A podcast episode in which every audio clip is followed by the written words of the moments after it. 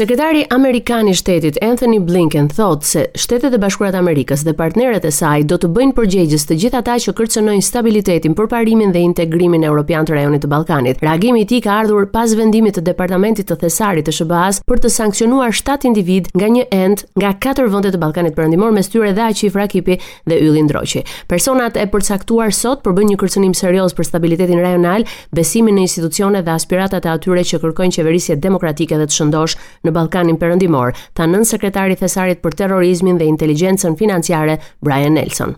Kryeministri Edi Rama ka zhvilluar një vizitë zyrtare në Gjermani, e cila është përmbyllur me një konferencë të përbashkët për shtyp me kancelarin Olaf Scholz. Scholz është shprehur se Gjermania do angazhohet për hapjen sa më shpejt të negociatave me Shqipërinë dhe Maqedoninë e Veriut. Rama tha se nëse Bullgaria vendos sërish veto në qershor për Maqedoninë e Veriut dhe bllokon hapjen e negociatave, atëherë do të kërkojnë ndarjen në procesin e anëtarësimit. Kancelari gjerman u shpreh se dëshiron që të ringjallë procesin e Berlinit. Kjo u mirëprit nga Rama, sipas të cilit përfshirja e të gjitha vendeve në përpjekje për të jetësuar një Ballkan Tek katër liritë e BE-së, të lëvizjes së njerëzve, mallrave, kapitaleve dhe shërbimeve është gjëja më e duhur për të garantuar paqen, bashkëpunimin rajonal dhe të ardhmen. Ndërkohë, kryeministri Edi Rama preku edhe çështjen e liberalizimit të vizave të Kosovës, ku kërkoi nga Gjermania që të bëjë pjesën e saj, pasi është një proces i merituar prej shumë vitesh. Në vizitën zyrtare që ka zhvilluar në Berlin, ai është takuar më herët dhe me kryetaren e bashkisë të qytetit dhe me presidentin gjerman Frank Walter Steinmeier. Biseda me presidentin gjerman u përqendrua në integrimin evropian të Shqipërisë me theks të veçantë në rolin mbështetës që Gjermania ka luajtur dhe vijon të luajë në këtë drejtim. Po ashtu, aktualiteti në Ukrainë dhe ngjarjet më të fundit që prodhoi agresioni i Rusisë atje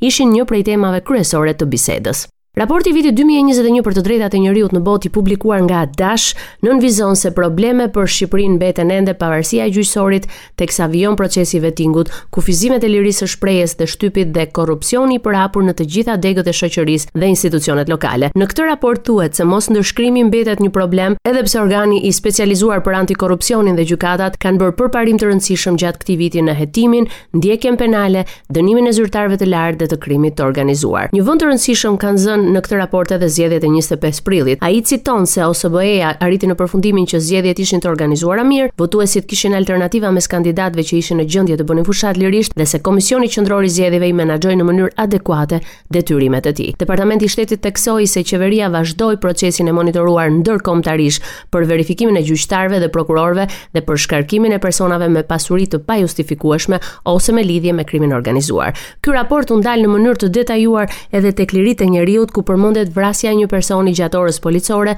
burgjet e mbipopulluara, dhuna ndaj grave dhe diskriminimi për shkak të orientimit seksual. Kryeministri Edi Rama dhe një delegacion i përbërë nga ministra, zëvendësministra dhe deputetë ndodhet momentalisht në Azerbajxhan në një vizitë ku është pritur edhe nga nivelet më të larta shtetërore atje.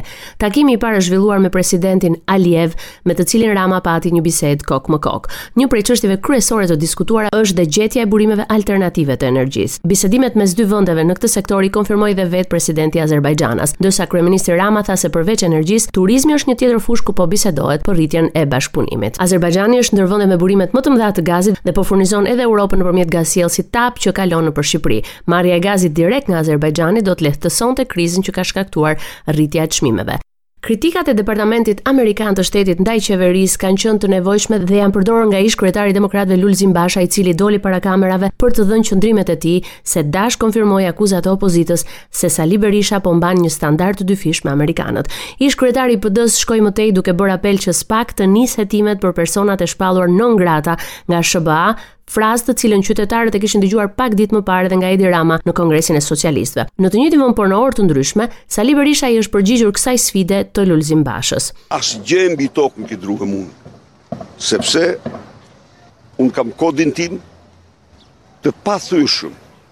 Dhe kjo është panciri i Sali Berishës.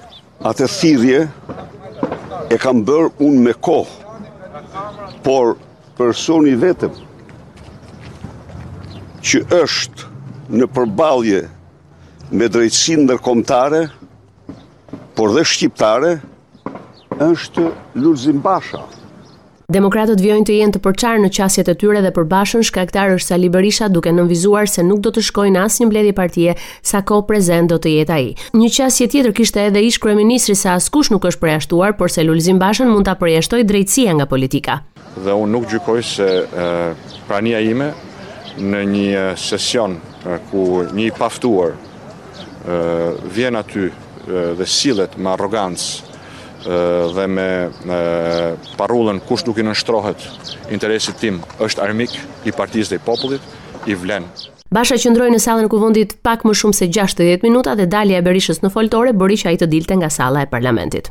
Pas Dibrës edhe Lezha është shpallur Covid Free nga Instituti i Shëndetit Publik, prej dhjetë ditësh në qarkun e Lezhës nuk është regjistruar asnjë rast i ri dhe për pasojë nuk ka asnjë të infektuar aktualisht qoftë në banesë apo dhe në spital. Rënia e kurbës së infektimeve në të gjithë vendin bën që së shpejti disa qarqe të konsiderohen zona të gjelbra edhe pa praninë e virusit Covid. Sipas të dhënave të Institutit të Shëndetit Publik, në të gjithë vendin janë më shumë se 10 bashki të cilat nuk kanë regjistruar asnjë rast me koronavirus në 3 javët e fundit. Aktualisht raste me koronavirus kanë në 10 qarqe të vendit, 56% e të infektuarve janë në Tiranë, ndërsa më pak se 1% në Kukës.